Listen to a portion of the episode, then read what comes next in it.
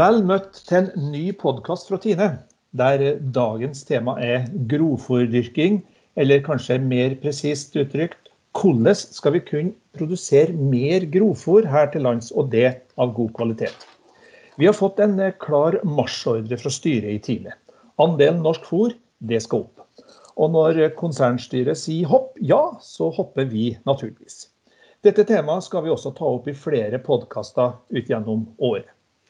Jeg har vært heldig og fått med meg to kløktige og gode deltakere i dagens podkast. Det er jo Ingvild Nesheim og Helge Øksendal. Dere er henholdsvis foringsrådgiver og økonomirådgiver. Velkommen til dere to. Takk. Takk for det. Økt andel norsk fôr handler jo egentlig om fire dimensjoner. Det handler om avlingsmengde, det handler om kvalitet, ikke minst bevare kvaliteten, og så få kua til å ete fôret. Eh, første stikkord her er planlegging, eller kanskje vi skal si god planlegging. Og Helge, hvilke grep i planlegginga er det mest nyttig for bonden å ta?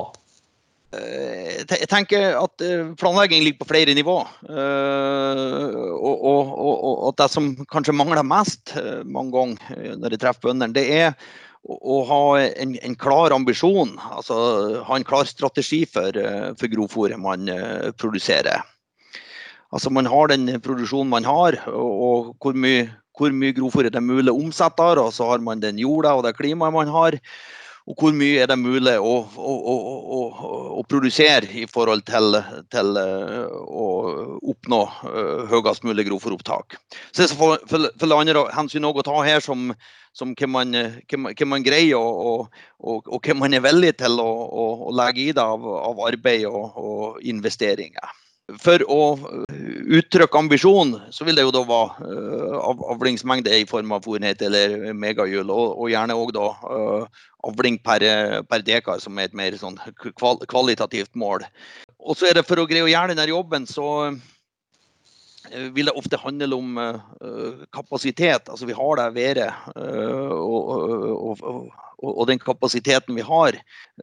Man kan kanskje endre kapasiteten, og ikke minst man kan tilpasse kapasiteten bedre. og få gjort ting mer til, til, til, rett tid. Og så er det òg lagerkapasitet. Tenker da spesielt på, på, på gjødsel. At en kan Eh, gjøre seg ferdig med det når man holder på, eh, og ha nok eh, lagerkapasitet fram til neste sesong.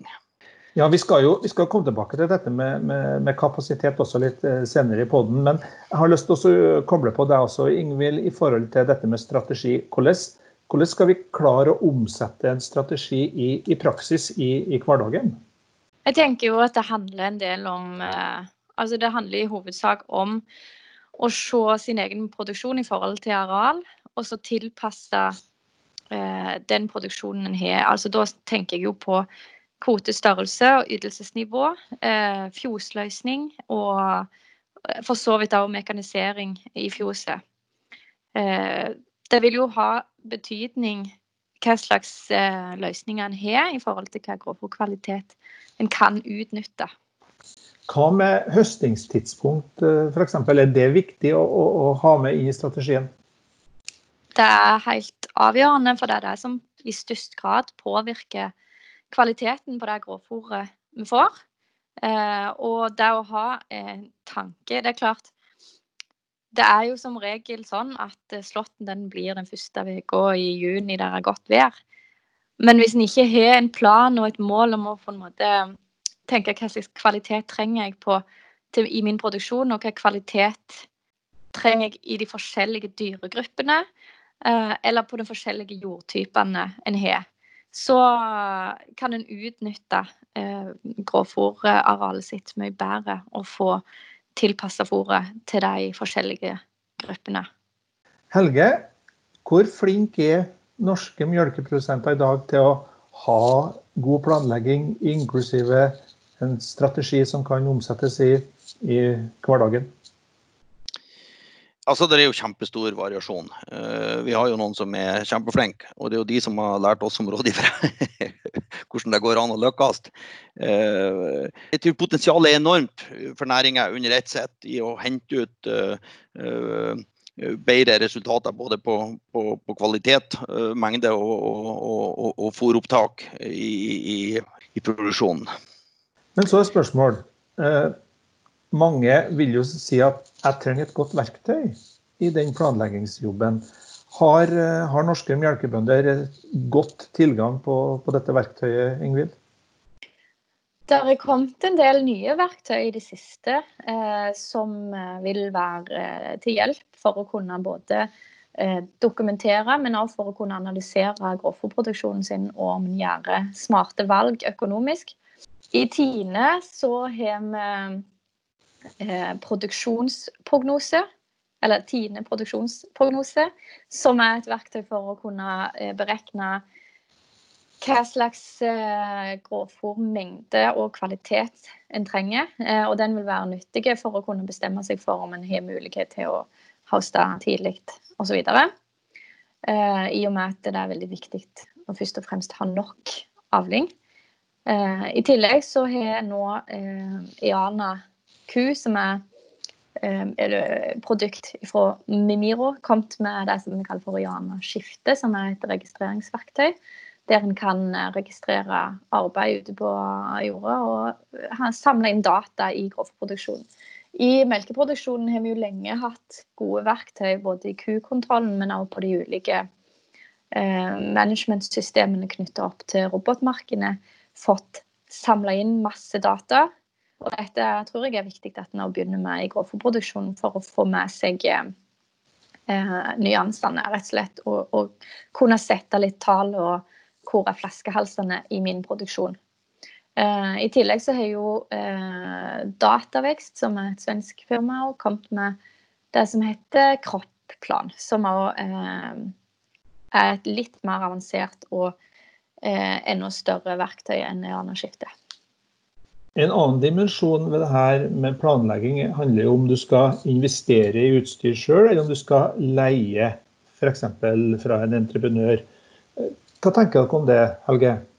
Altså, jeg, jeg, tenker jo i flaskehalsene uh, underveis i, i, i sesongen. Uh, det er kanskje det mest ekstreme, da, i hvert fall, i hvert fall den vestvendte delen av Norge. og Det er jo mesteparten. Uh, så er det jo det her med, med, å ha forhold for å være ute på jorda og gjøre de operasjonene som trengs, og helst til rett tid i forhold til grasutviklinga. Jeg tenker at det er enorme verdier som tapes eh, fra time til time eh, når at man ikke får gjort eh, ting når det skulle ha vært gjort på det der tidspunktet. Og at hvis, hvis, man regner på, på, på tapet, så kunne man sette det opp imot hva man har råd til å, å, å leie for. Uh, attåt at man, man gjør jobben sjøl, altså at man på en måte supplerer med ekstra kapasitet. Men det, men det går jo òg an å, å, å, ha en strategisk tilpasning på det, at man, man kutter ut uh, en del utstyr og, og, og, heller har det innleid uh, fast og En tredje variant er jo rett og slett å danne et maskinselskap i lag med uh, naboer. Uh, vi ser jo særlig på, på slangespredning. Uh, er man to som kjøper lag, så er man jo plutselig to mann som kan holde på med det laget. Og det må man være òg. Så det gir noen synergier. Ingvild, hvilke erfaringer har du med det å investere versus det å leie? Det vil alltid være kompromisset når en er bonde og det gjelder det som er optimalt faglig sett, behovet for å få ting gjort. I tillegg så kommer andre ting inn, sånn som familiesituasjon og sånn som nå i, i dette året har vi jo på en måte blitt utsatt for både heimeskole og barnehage, som har forkludra vårene for mange. Og Da kan det være viktig å kjøpe seg frihet til å gjøre eh, det som er viktig der og da. Eh, I mange situasjoner så vil det lønne seg å kjøpe kapasitet på de områdene en ikke har god nok kapasitet på sjøl. Et eksempel kan jo være f.eks. det å leie kalkkjøring. Eh, hvis en ser at jorda trenger å kalkes før eh, pløying, eh, og en sjøl vil bruke veldig lang tid på dette, så ser vi jo at prisen ofte er lik eller minimalt forandring i forhold til å bare leie en entreprenør til å kjøre dette på. Det samme gjelder f.eks. sprøyting. Hvis en ikke får sprøyte eh, sjøl pga. at det tar for lang tid, så er det utrolig god økonomi å betale et par tusen kroner for å få noen til å sprøyte. Så lenge de som gjør det, har rett utstyr og rett eh, kompetansen. Eh, så det, det, er viktig å heller få et godt gjenlegg når en først lager et gjenlegg, enn å lage et middels godt gjenlegg og så eh, årsaken er at en ikke fikk En ikke rakk rett og slett å kalke sprøyta, f.eks. Det er bare for å ta eh, et eksempel. Kostnaden på per fòrenhet så utgjør gjenleggskostnadene ca. bare 4-5 og en effektiv måte å redusere grovfòrkostnadene på er jo å øke avlingen per mål. Og da er det jo avhengig av mye av det arbeidet som gjør i gjenleggsåret, den innsatsen en legger ned da. Så er spørsmålet det med tidspunkt for planlegging. Hvor viktig er det å, å være tidlig nok ute med planlegginga, Helge? Ja, altså skal man greie å skaffe seg handlingsrom altså I, og med tida mange ganger det som er argumentet for at ting blir sånn som de blir. Eh, så tenker jeg Skal man skaffe seg handlingsrom i Slåtten, eh, så må man uh, antageligvis bli ferdig tidligere med våronna. Skal, skal, man greie å bli ferdig tidligere med våronna, så må man på en måte faktorisere ut arbeidsoppgaver fra hele vekstsesongen og prøve å gjøre mest mulig av, av, av både, både, planlegging og forberedelse i, i, i, fra høsten av allerede og å regne litt på kapasiteten man tror det tar, og kanskje ha et bilde av hvor mange godværsdager og regnværsdager man har i en normal sesong, så at man, at man på en måte planlegger så realistisk som mulig. Eh, så jeg, tenker, jeg ser for meg at man, man, må bruke hele året, og man begynner neste års grovfòrsesong når man er ferdig med en sesong og analyserer den, så er det allerede å begynne å, å planlegge neste års grovfòrsesong. Ja, Helge, du nevnte jo været, og det er jo som kjent lite vi kan gjøre noe med. Og det samme er kanskje tidsklemma. Det er iallfall en del av rammevilkårene vi skal ha å jobbe etter i grovfòrproduksjon. Hvordan skal vi ta høyde for disse ustyrlige elementene, Helge? Det, det er jo noe mønster i det der. Uh, og vi kan jo se på data for hvordan været er fra år til år. For, for, akkurat den enkelte gården, om så er. Uh, så kan man jo finne ut at uh, at vi vet at vi vil aldri komme til å slå før den og den datoen. Det har ikke skjedd de siste 30 årene, og det er lite sannsynlig at det skjer. Eh, så skal vi ha en dato for når vi tidligst må være klar. Og så er det da at vi vet at det lønner seg å slå under gode forhold. Eh, selv om at det kan bli litt tidligere enn, eh, eller litt senere enn en optimal kvalitet. Og så, og, så, og så, får vi et tidsrom her som slåtten bør foregå, da vi vet hvor mange døgn vi har til disp i snitt med rette forhold for å, for å holde på med, med, med slåtten, som er en av de tingene der det er mest tidsklemme. Og Da må man jo passe på at en har eh, mekanisert og, og kapasitet, eh, både på egen innsats og på utstyr, til å, å, å få det gjort innenfor de der timene. da. Man må kanskje være litt tøff med seg sjøl når det gjelder å prioritere hva som er viktig. Man må gjerne sette seg ned og finne ut om en har noen arbeidsoppgaver som en rett og slett kan kutte. Eller som en kan effektivisere på en eller annen måte. Kanskje gjøre en ting som en tror er viktig, men som en ikke trenger å gjøre. Ja, Bøndene vet ofte hva som er rett å gjøre. Eh, de er gode på agronomi. Og de har et ønske om å få ting gjort. Eh, noen ganger så kommer en allikevel i knipa både med tid og kapasitet til å få optimalisert kofferproduksjonen. Da er det viktig å tenke å gjøre rett ting til rett tid. Og det handler jo om f.eks. dette med å få ut skiten når det er optimale forhold for å få best mulig nitrogenutnyttelse. For å få hausta gresset under optimale forhold for å få best mulig grovkvalitet. Ja, du er kanskje inne på noe viktig her, Ingvild. For du sier at eh, mange bønder er flinke agronomer. Men du har også sagt at mange av dem ønsker eller kanskje trenger sparingspartner som eh, kan være til en såkalt beslutningsstøtte. Hva legger du i det? Det er jo ofte store avgjørelser en skal ta. Og det å stå alene og lure og tenke på er det rett nå, er jeg for tidlig? Er det for bløtt i jorda? Er det for tidlig å slå? Er det ikke gresset kommet langt nok? Det er å ha noen en kan ringe til og si ja, hva, hva ville du gjort, eller uh, har noen tanker?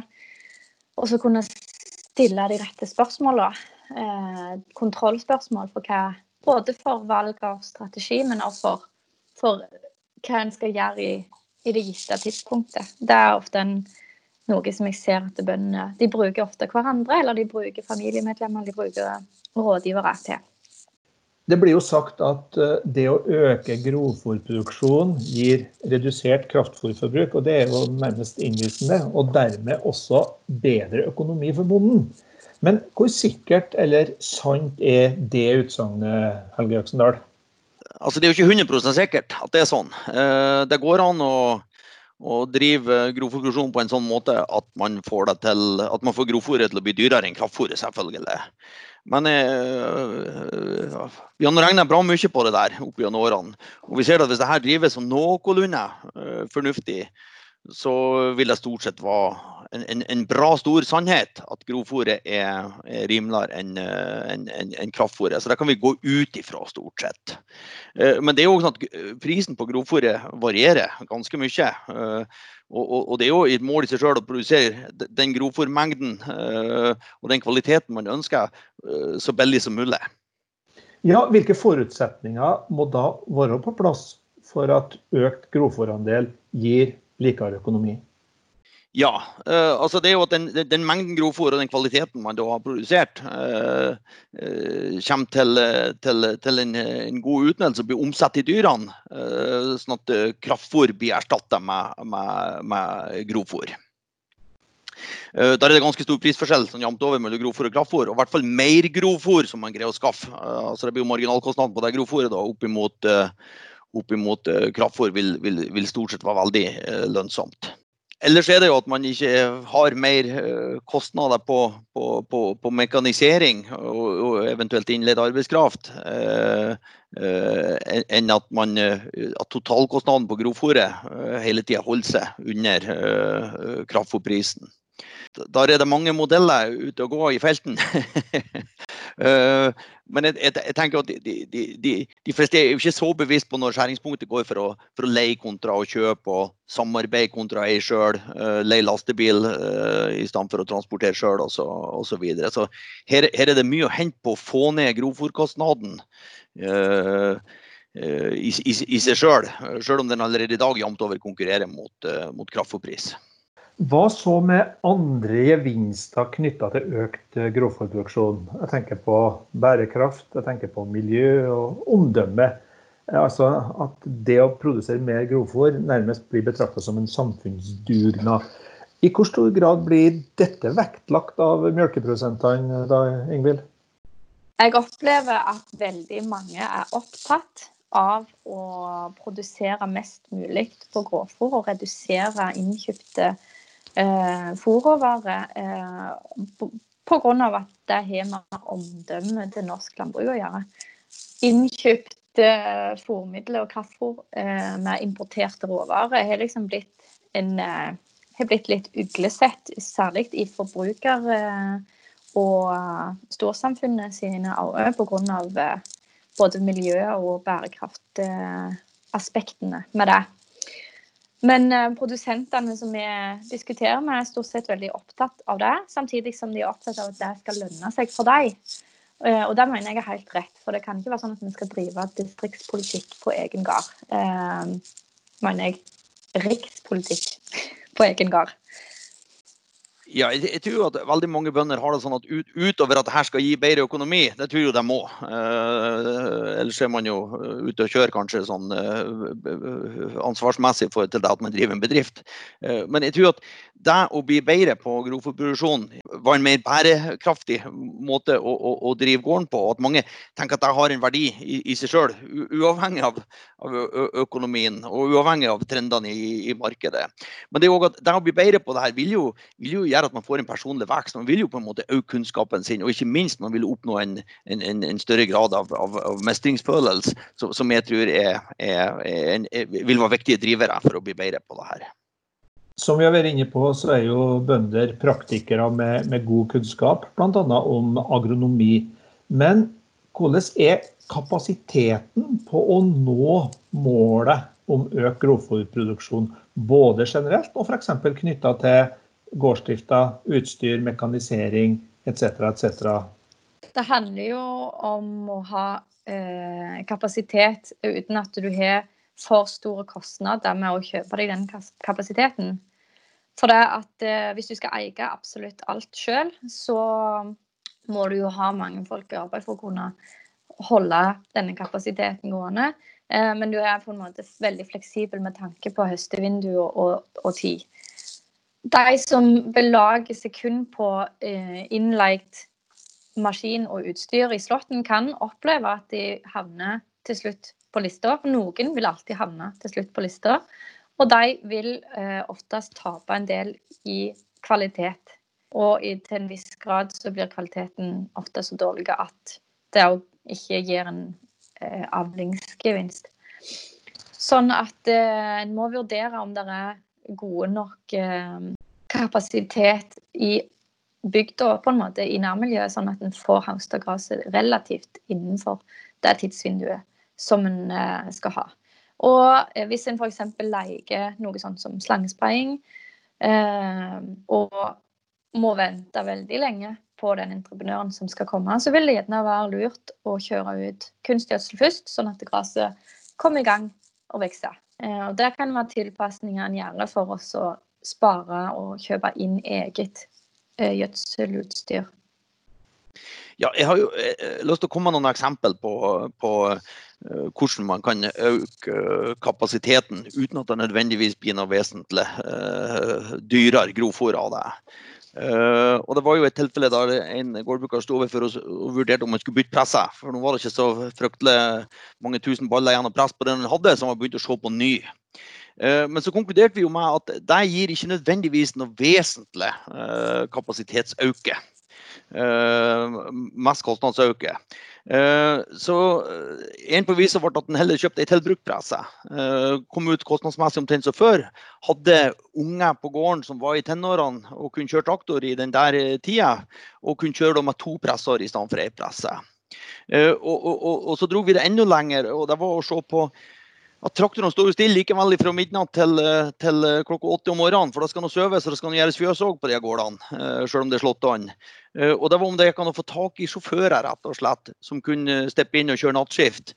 Og, og, og det viser òg at det gikk an å gjøre hvis man snakker med entreprenører, og maskinførere og den slags som, som hadde de rette ferdighetene. Nå sier jeg ikke at alle skal dra det så langt, men det viser at det går an å øke kapasiteten betydelig uten nødvendigvis å øke kostnadene. Kapasitet handler også om økonomi, Helge Øksendal. Eh, hvordan øker den finansielle kapasiteten? Ja, det er jo å drive godt i andre enden. uh, selvfølgelig må man, kan jo frigjøre kapital dels med å, å, å, ikke, ikke, investere i ting som er unødvendig. Kanskje kan det være leie eller samarbeid. Uh, uh, men ellers er det jo å få et bedre resultat på, på, på, på, produksjon og på bunnlinja. Og det er jo selvforsterkende. I det øyeblikket du lykkes med, med, å få mer og bedre grovfôr og er god på, på fôringer øh, gjennom vinteren, så blir jo dekningsbidraget bedre, og du vil jo få øh, mer økonomisk handlefrihet til å investere i mer kapasitet. Der tror jeg vi skal gå inn for landing. Eh, Ingvild Nesheim og Helge Øksendal, takk for at dere tok oss med inn i grovfòrproduksjonens eh, hemmeligheter og irrganger.